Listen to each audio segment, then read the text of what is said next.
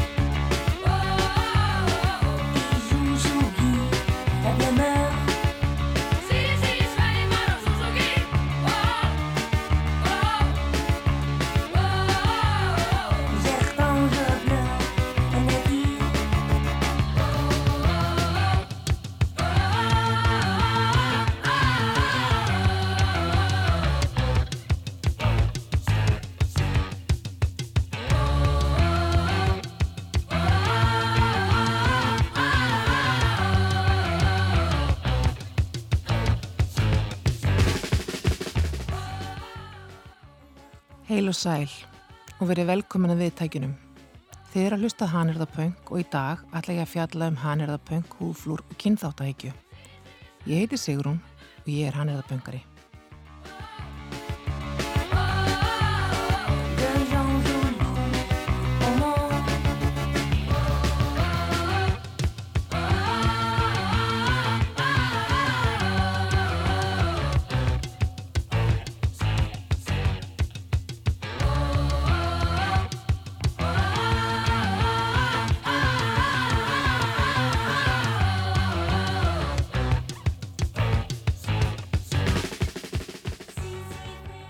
Kæra hlustendur, mér langar til að spyrja ykkur nokkura spurninga.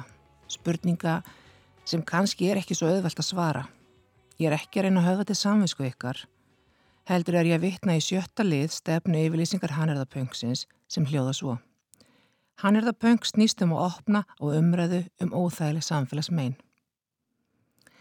Segið mig gott fólk, hafið þið velt fyrir ykkur mununum á þjóðrætnishyggju, kynþáttahyggju og þjóðastolti? Hvernig getum við verið stolt að sveitin okkar á upprunanum? Er sjálfsmynd okkar byggð því að við og sveitin okkar séu öðrum aðri? Þegar stórti spurt er oft fátt um svör.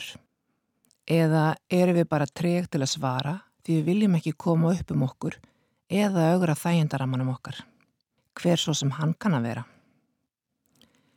Í sjálfstæðis baratu Íslendinga og í kringum setni heimstyrjöldina var mikið gert úr norrannum bakgrunni þjóðarinnar, Íslandingasögunum og arfleð vikingana.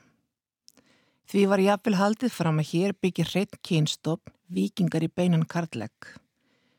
Hviðrist karlmenni sem tóku sér örlittla kunstpásu í bardaga, girtu yðrin í brók og hertu að og heldu svo bara áfram að berjast, svona eins og hann gísli Sússon okkar allra á að hafa gert.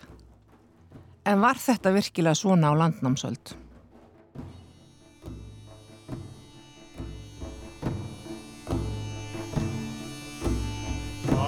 Varist þér og varist þér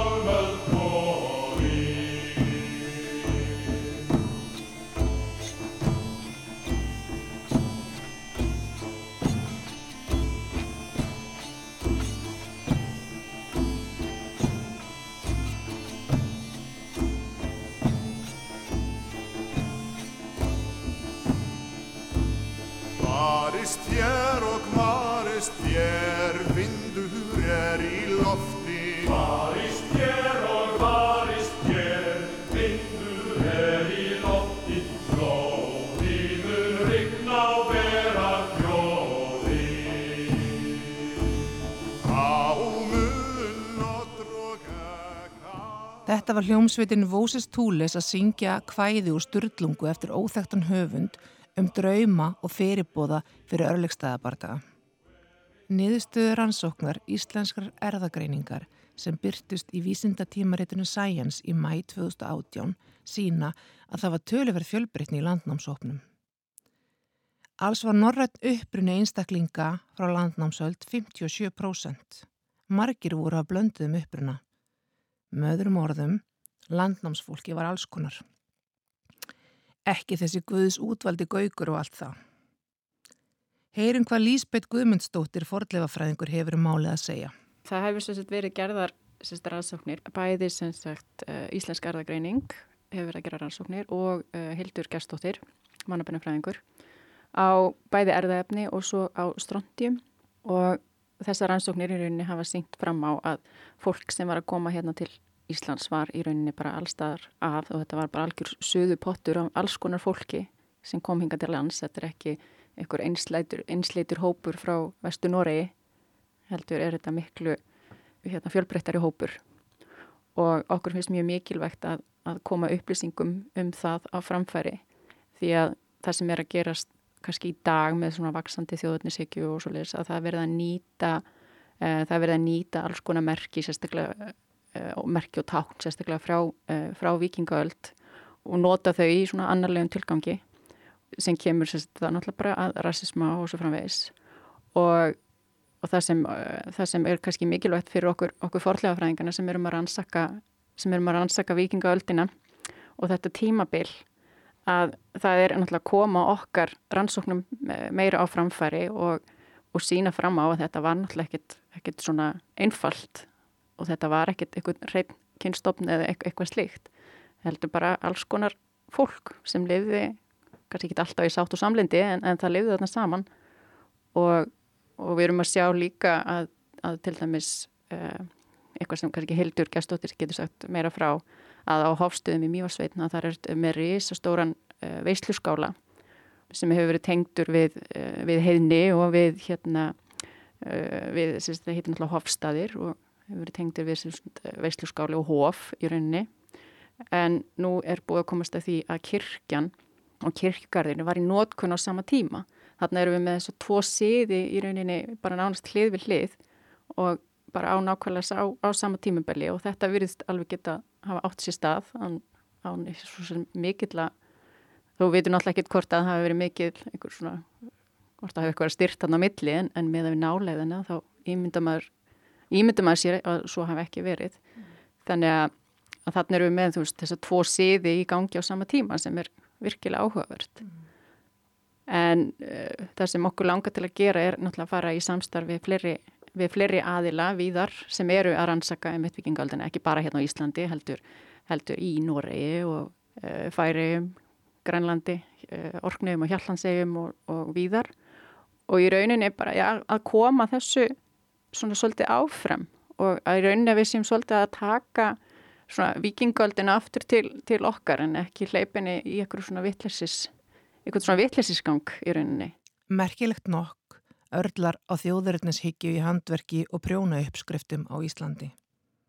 Og muniði, ég er ekki að tala um að það megi ekki vera stolt af þjóðbúningnum okkar eða menningararleið. Ég er að tala um það þegar við höldum að okkar handverk og hannirðir séu öðrum aðri.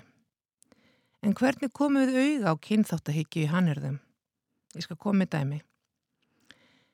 Ekki alls fyrir lungu voru uppskriftir að lopa peysum þýttar yfir á kínvesku og rúsnesku. Merkilegt nokk vakti það blendin viðbröð. Margir prjónorar vildu hafa lópapeisu uppskriftina útaf fyrir okkur, bara fyrir Íslandingana. Og þá er ég ekki að tala um upprunnuvottun og söluvarningi sem hlut af gæða eftirliti, heldur það að útlendingar ættu ekkert að prjóna íslenska lópapeisur á sig. Og sá hugsunaháttur er sprottin út frá vafasama viðhorfinu við og hinir. Það er að segja að hinnir séu ekki eins merkilegir og við. On a farm, in a barn Feeling lonely but I got some yarn Ooh yeah, got the yarn Got the yarn, I'm gonna do some knitting In a boat, slit my throat feeling bad, but I still got some of that. Yeah, yeah. Who got the yarn? I'm gonna do some knitting. Knit, knit, knit, knit, knit. I need to do some knitting. Einu sinni heyrði ég sögu af því að munstrið efst á lópapeysunum, svo kallar berustykki, væri fengið að láni frá grænlenska þjóðbúningnum. Ég hitti Ástísi Jóelsdóttur hönnuð kennara og höfund bókarinnar um íslensku lópapeysuna og rætti við hann um uppruna, sögu og hönnun íslensku lópapeysunar. Já, þetta er í raun og veru kannski daldi margslungi, sko, upprunni peysunar á sér um, fleti á, ímsa fleti, til dæmis prjóntæknin, hvernig hún er prjónuð. Það er náttúrulega langt aftur í aldir, er svo maður að segja, þessi meginlands aðferð, hvernig við höldum á prjónunum og hvernig við förum í likjurnar, hversu hratt það gerist og hversu vel það er aðlagað að lopanum sem var náttúrulega kannski upphafið að lopapeysunu er þessi, hvað maður að segja, óspunni lopastrengur. Og meilendinu þá ert að tala um hérna meiland Evrópu og, og hérna ég nefnilega hef tekið eftir því að til dæmis sko breskar konur eh, og þeirra tækni er allt önnur heldur en, eh, heldur en ég hef séð hérna þeirra verið að prjónaði mitt lopapeysu. Já, já, þetta er eiginlega svona, svona partur af því að þetta heitir nú bara meilansaðferð vegna þess að það er, já, kent við það, svona sem það sem það dreifðist frá. En við Íslandingar höfum til engað okkur þessa aðferð bara líka vegna þess að við prjóna vörur voru náttúrulega söluvara líka, alveg langt aftur í aldir, eins og maður segja, eins og við þekkjum nú kannski söguna. Og þessi aðferð er náttúrulega grunnurinn í lopapeysunni. Og svo náttúrulega lopinn en líka það að þetta hafi verið uh, söluvara. Þannig hefur prjóni í raun og verið erfst á milli kynnslóða vegna þetta var hendug söluvara. Það var auðvelt að fara með prjónið með sér á milli staða. Þetta er einföld tækni og slétt prjón og, og brugðið er náttúrulega bara já, fljótlegt að gera og það er uppistæðin í lopphausinu líka.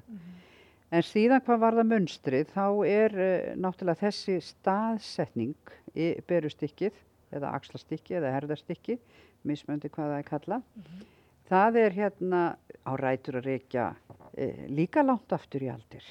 Ég meina að þetta er eh, svæðið það sem er mest ábyrrandi svæðið, skrautsvæðið, oft meina blundukragar og, og perlukragar og við getum fara alveg aftur til Egipta.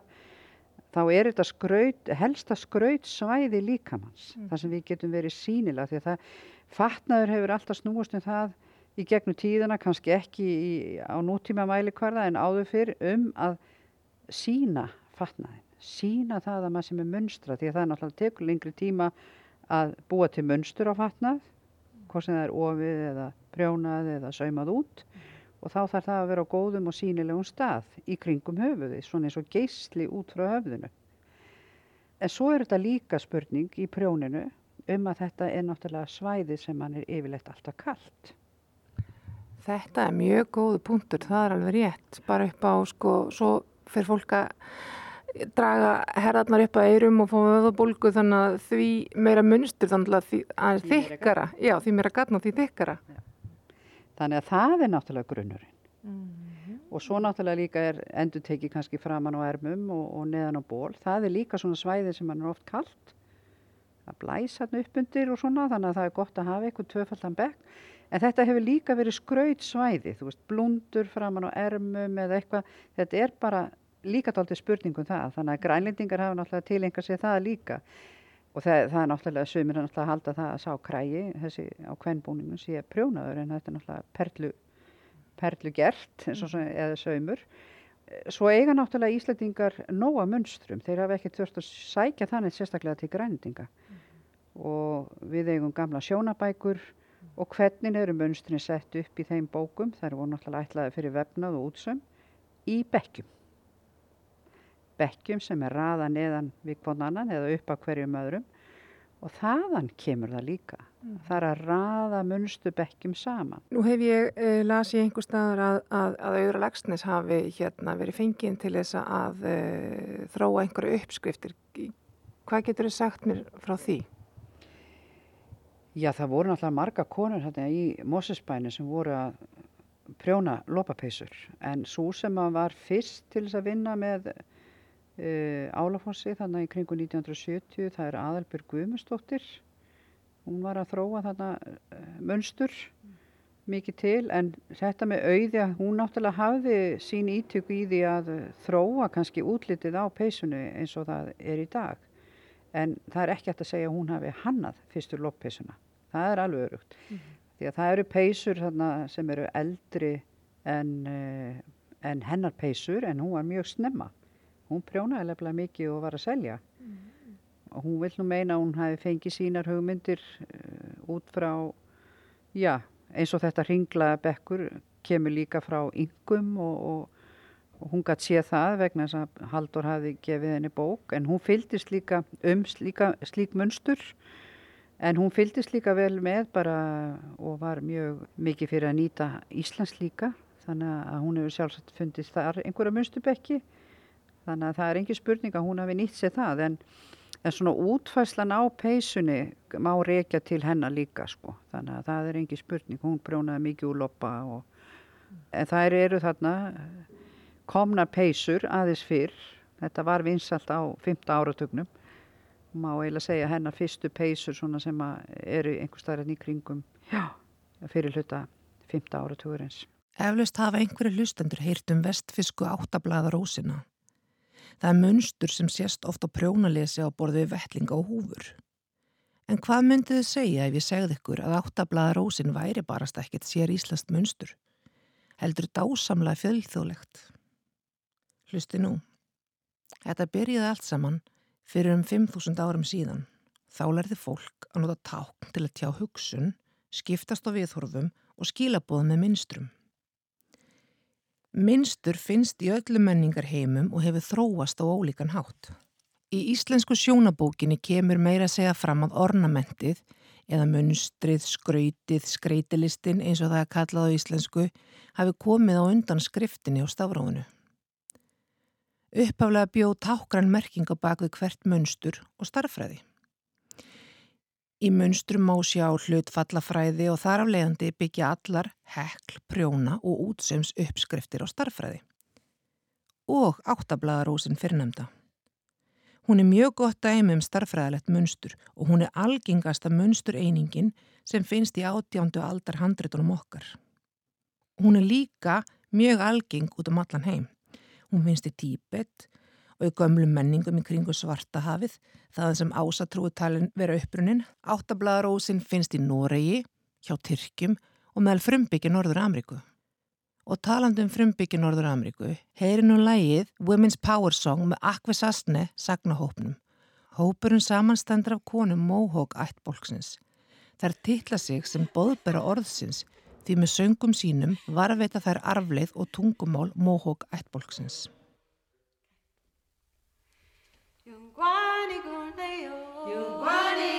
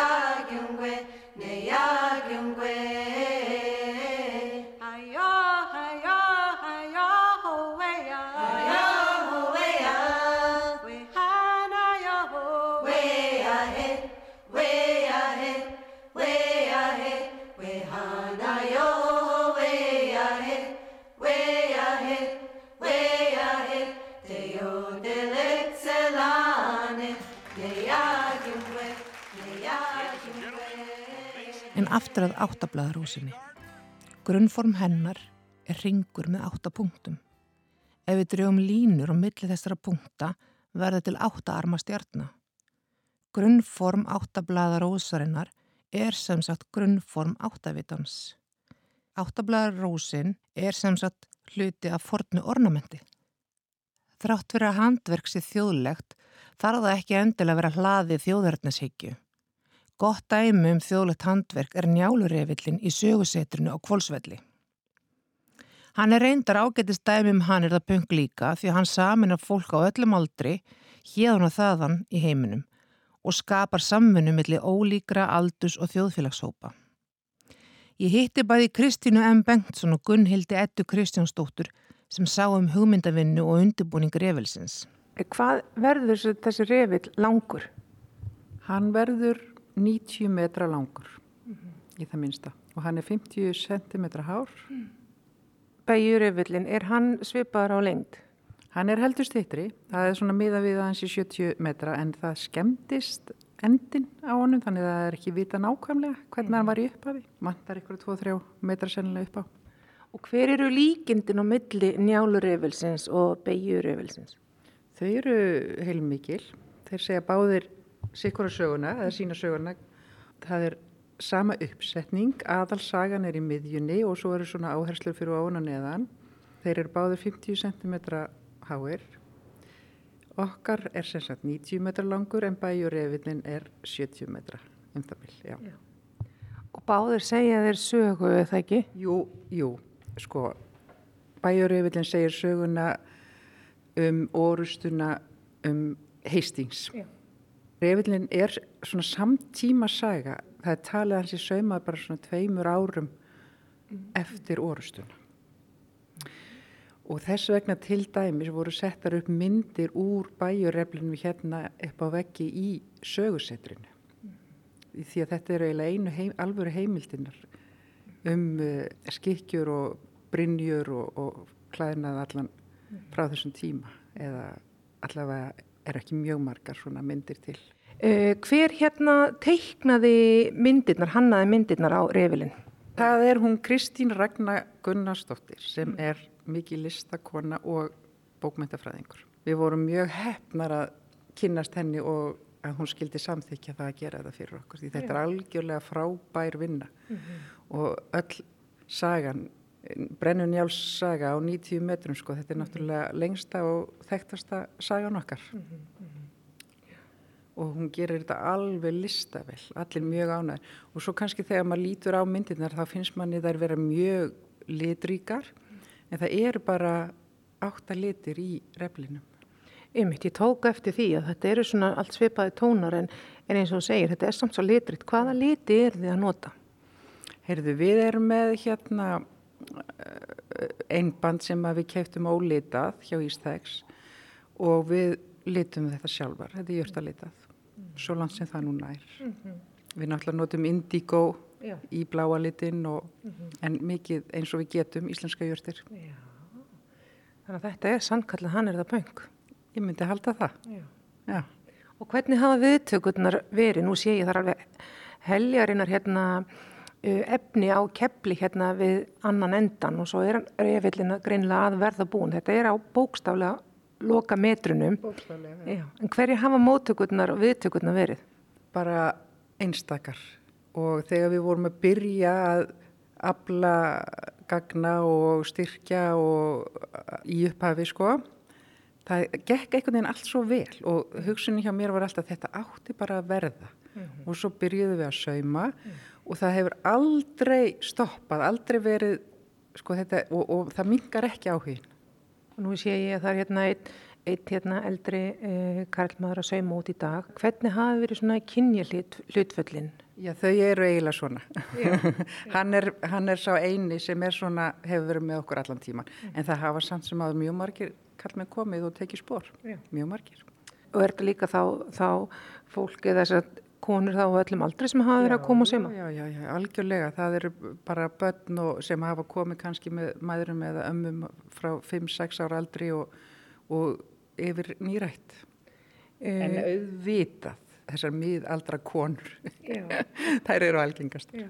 Nú sé ég að þeir eru með hérna svona útsemspakka til sölu til, fyrir fólk til þess að hérna kaupa. Þetta er virkilega sniðut. Er þetta sami, sami hönnuður? Er þetta bara myndirnar í raun og veru úr reflinum? Já, já, bara tekna beint úr reflinum. Já, óbreytar samastærð. En segðum við svona fyrir hlustendur sko, þó svo við vitum hvað, hvað revill er. Hvað gerir í raun og veru efni að refli? Þetta er gamalt íslenskt orð. Sko, revill þýðir langt og mjótt vegteppi. Skálarnir hérna áður fyrir voru kannski uh, hálf fóðraðið með þessum reflum, bæði til að skreita og kannski til einangra eitthvað líka og svona. Ég nefnilega mana í gíslasögu, þá var sko revill tekin fram fyrir jólinn til þess að skreita skálan. Já, ég held að það hafi líka verið málið með bæjör refilinn. Ég held að hann hafi í byrjun bara verið settur upp í domkirkjunni í bæju einu sinu ári. Sko, við byrjuðum annan februar 2013. Já. Þannig það er rúmlega 6,5 ár núna og við stefnum á það að vera búnar annan februar 2020. Þá eru upp á dag 7 ár liðin. Já, og jú, hvernig tilfinning það er. Er það er bæði gleði og sorg, sko. Stolt að vera búnar að ná þessu á 7 árum. Og svo auðvitað, það, það hefur svo, þetta hefur verið svo góður tími, svo skemmtilegur andi í hópnum og, og, og allir vinir og gladir. En kannski, hver veit, kannski finnum við eitthvað annað. Í tímas rás hafa hannirðir og annað handverk verið skipað skur neðar en önnu list. List sem hefur svo verið skipt í hámenningu eða lámenningu, fagolist, nýtjalist eða frumstæðalist. Frumstæðalist fekk það heiti þegar hvítu mennirnir, löðrandi í kynþáttahyggju, byrjuði að reyna út má menningu og listir fordra ættbolka. Þannig fór þjóðurnishyggja að hafa áhrif á viður fólks til handverks og ornamenta. Ornamenta sem einnig eru undistaða í fornum húðflúrum. Engin veit samt með vissu hvernig það forna handverk kom til en húðflúrun er jafngömmul menningunni. Sannanir fyrir því hafa fundist frá forn steinöld. Eitt er þó vitað að meðal fordra þjóða voru húðflúr hlaðin merkingu. Í Pólunesiu var húðflúrun ákveðin helgiatöpp og hjá Aztekum töknuðu húðflúr uppruna og stöðu innan ættbolka. Flókið andlitsflúr Mária, svo kalla Mokko, var vísbendingu völd og stöðu. Og talandu Mária, heyrum nú lag með pólitísku þungarokksveitinni Alien Weaponry frá Nýjasjálandi. Hún er skipuð þremur ungum piltum þar af tveimur bræðurum. Þeir syngja flestöld lögin sín á frummóli Mára, Tereo. Í þessu lagi fjalla þeir um illa meðferð landnema á frumbyggjum Nýjasjálands.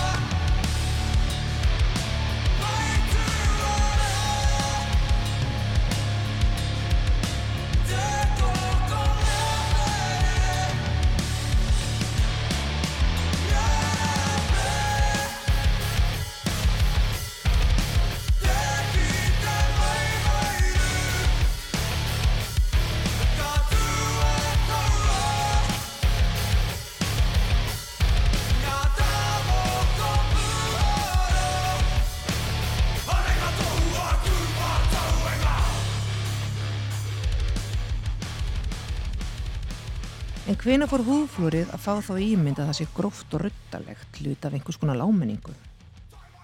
Fyrra á öldum töluðu kirkjunum menn gegn húðflúri og tölduð að vanhelga Guðs. Þeir meira segja bönnuðu flúr á tímabili. Þrátt fyrir að krossfarar hafi flúra sig með krossmarki eða öðru trúarlegu tákni til að tryggja kristilega útför. Svona skeið kynni að þeir myndu rökkva upp af í fjarlægu landi.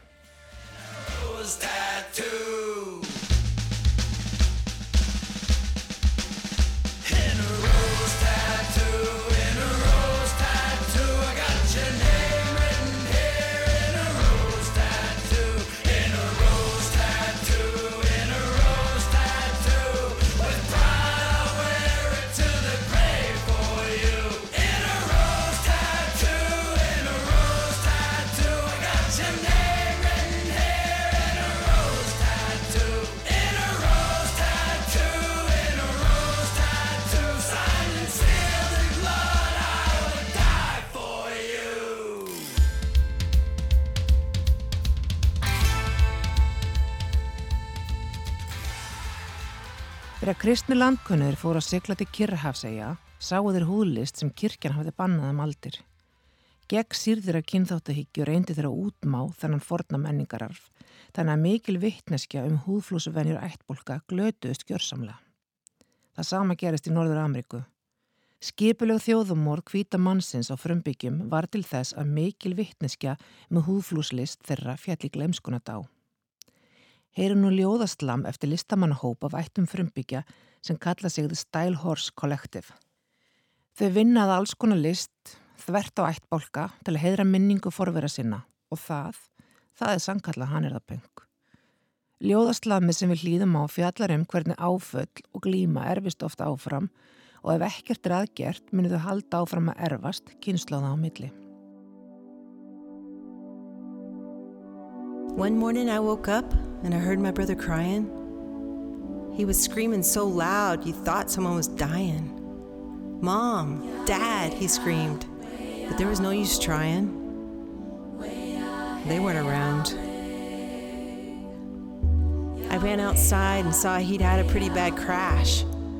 His bike was in the ditch, down his arm, a bloody gash. He looked so pitiful just sitting there in the dirt amongst the trash, crying, I want mom and dad. I picked him up and started running toward my uncle's up the way. It started raining and got real dark. He could barely tell it was day. My brother cried and asked, Sister, where's mom? I didn't know what to say when the truth is, I don't know. When my uncle saw us coming, he ran into the yard. He took my brother from me and he held him in his arms. When he saw my face, I could tell. I could tell he was alarmed. And he said, What happened? Did you fall too? Uncle, I'm so tired, so tired of wondering why. Why do they drink? Why do they do drugs? Why do they leave us? Why? He said, Sister, it's hard to explain. And I said, Uncle, try. And then he told this story. Once this land was teepees as far as you can see. The water was clean, the land pristine. We were where we were meant to be. Then strangers came across the sea and brought with them their disease. Our people cried and prayed and sang, but it brought them to their knees.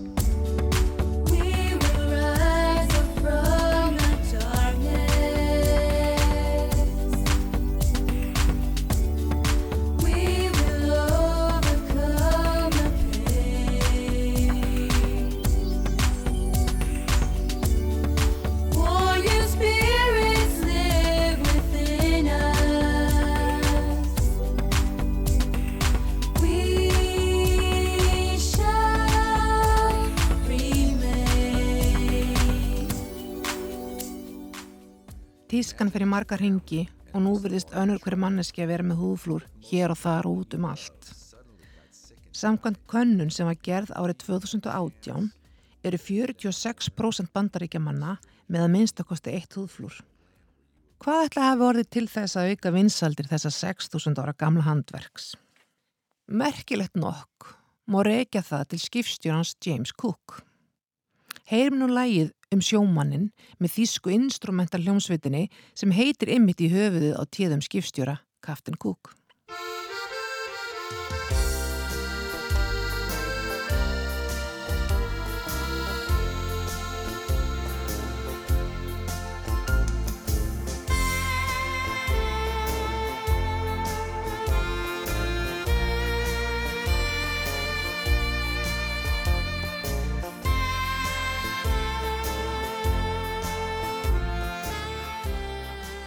Á átjöndu öld fluttu skipstjórar á borðu kaftin James Cook flúraði eigaskegja Pólunesi um meðseti Bretlands. Í kjölfarið varð húðflúr agalega móðins í Evrópu. Aðalsfólk og konungar, vændiskonur og glæpamenn fór að skarta flúrum eins og ekkert væri. Í Kaupmannhöfn, nána tiltekið í húsi nr. 17 við Nýhöfn, er húðflústofan Tattoo Úle. Hún er talin vera ein af eldstu samfleytt starfandi stofum í Evrópu en í sínu upprunlega húsnæði síðan 1884. Einu sinni voru sjómenn, glæbónar, vændiskonur og útlegar meðal aðal viðskipta vina stofunar og merkilegt nokk Friðrik níundi Danakonungur, fadir Margaretar Þórhildar núverandi drottningar. Una mattina mi sono alzato, bella ciao, bella ciao. Mattina sono alzato e ho trovato l'invasor. Oh partigiano, porta mi vida. Oh bella ciao, bella ciao, bella ciao, ciao, ciao, partigiano, porta mi vida. Y mi sento di Þetta var 19. aldar ansbyrndu þjóðlægið Bella Ciao. Það á rætur að reyka til mótmæla ítalskra verkakvenna en var síðar tekið upp af hönum ímsu ansbyrnur hreyfingum í setni heimstyrjöldinni. Eins og margir hafa orðið varið við er kynþátt að higgja vaksandi vandamál í heiminum. Rúmum 80 árum eftir upphaf setni heimstyrjaldarinnar því nú anskotas vera meður. Hvað er til ráða þegar mennskan í heiminum veðist hanga á bláþræði? Það er auðvelt að halda að við sem peð á plánetinu jörð höfum lítil sem engin áhrif. En þá getur hannirðapöngi komið kveldstert inn. Það getur hjálpað til við að skapa mikilvægt samtal millir ólíkra þjóðurnis og trúarhópa og þannig reynda að auka samkend og náunga kærleik. Saman erum við sterkari. Réttis að þeirra ein likja er prjónið við aðra úrverður peisa. Ein stök likja er bara ein likja, hvorki meira niður minna. Hún getur orðið allt eða ekkert. mi diranno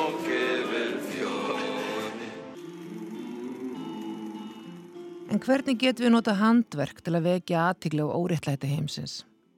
Sara Corbett, stofnandi The Craftivist Collective, samtaka breskra hannirðapöngara, hvetur fólk til dæmis til að brótirast nýtiklúta með skilabóðum til stjórnmálafólks. Hún hvetur einnig fólk til að nota hannirðir til að graffa almenningsrými með jákvæðum staðhæfingum og þannig fagna fjölbreytileikanum. Svo framalega farið sér eftir stefnu yfirlýsingu hannirðapöngsins og að fólk vilji láta gott af sér leiða, þá er það hannirðapöng.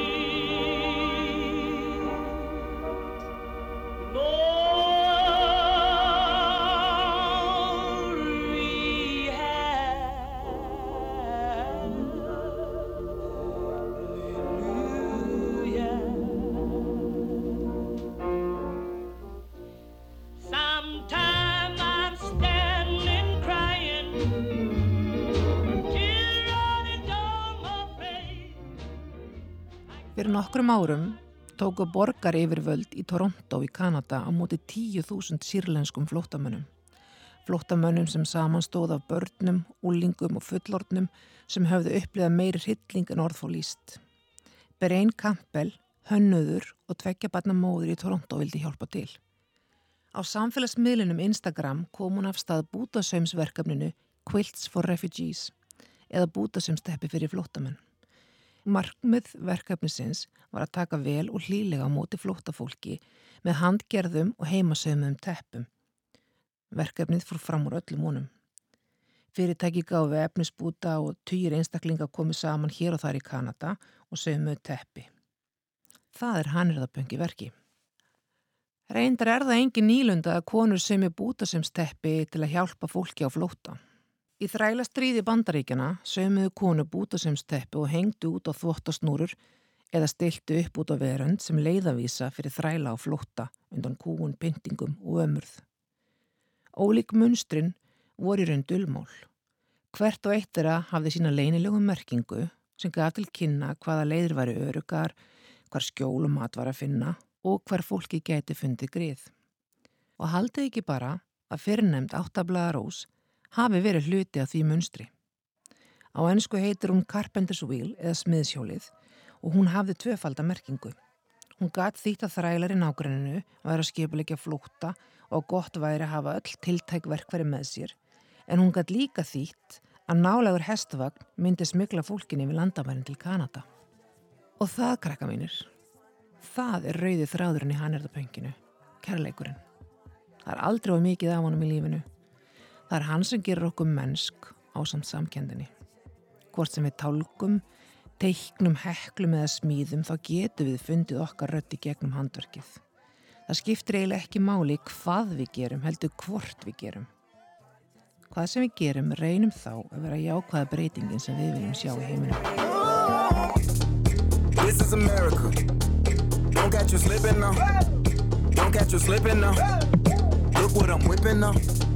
This is America. Don't catch you slipping now. Don't catch you slipping now. Look what I'm whipping now. This is America. Don't catch you slipping now. Look how I'm living now. Police be tripping now. Yeah, this is America. Guns in my area. My area. I got the strap. I gotta carry 'em. Yeah, yeah, I'ma go into this. Yeah, yeah, this is Gorilla. Yeah, yeah, I'ma go get the bag. Yeah, yeah, or I'ma get the pad. Yeah, yeah, I'm so cold like yeah. Yeah, I'm so dull like yeah. Woo. We gon' blow like yeah.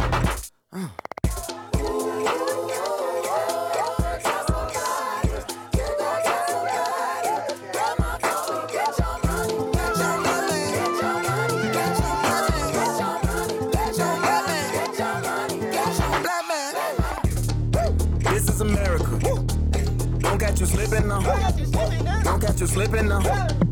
Look what I'm whipping now. This is America. Don't catch you slipping now. Don't catch you slipping now. Look what I'm whipping now. Look how I'm kicking now. I'm so fitted. I'm on Gucci. I'm so pretty. I'm get it. Watch me move. This is Sally. That's a tool. Yeah. On my Kodak.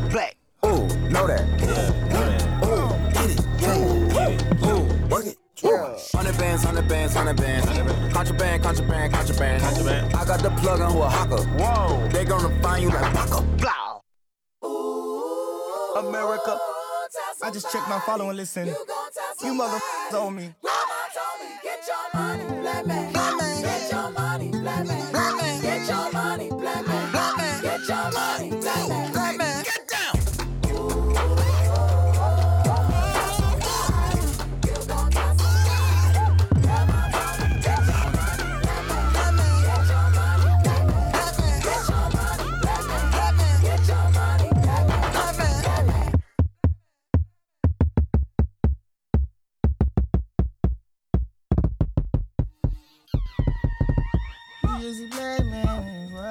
Just a buckhole, hey. Just a black man in this world. Living expensive foreign dream. Just a big dog, yeah. My Kindle came in the backyard.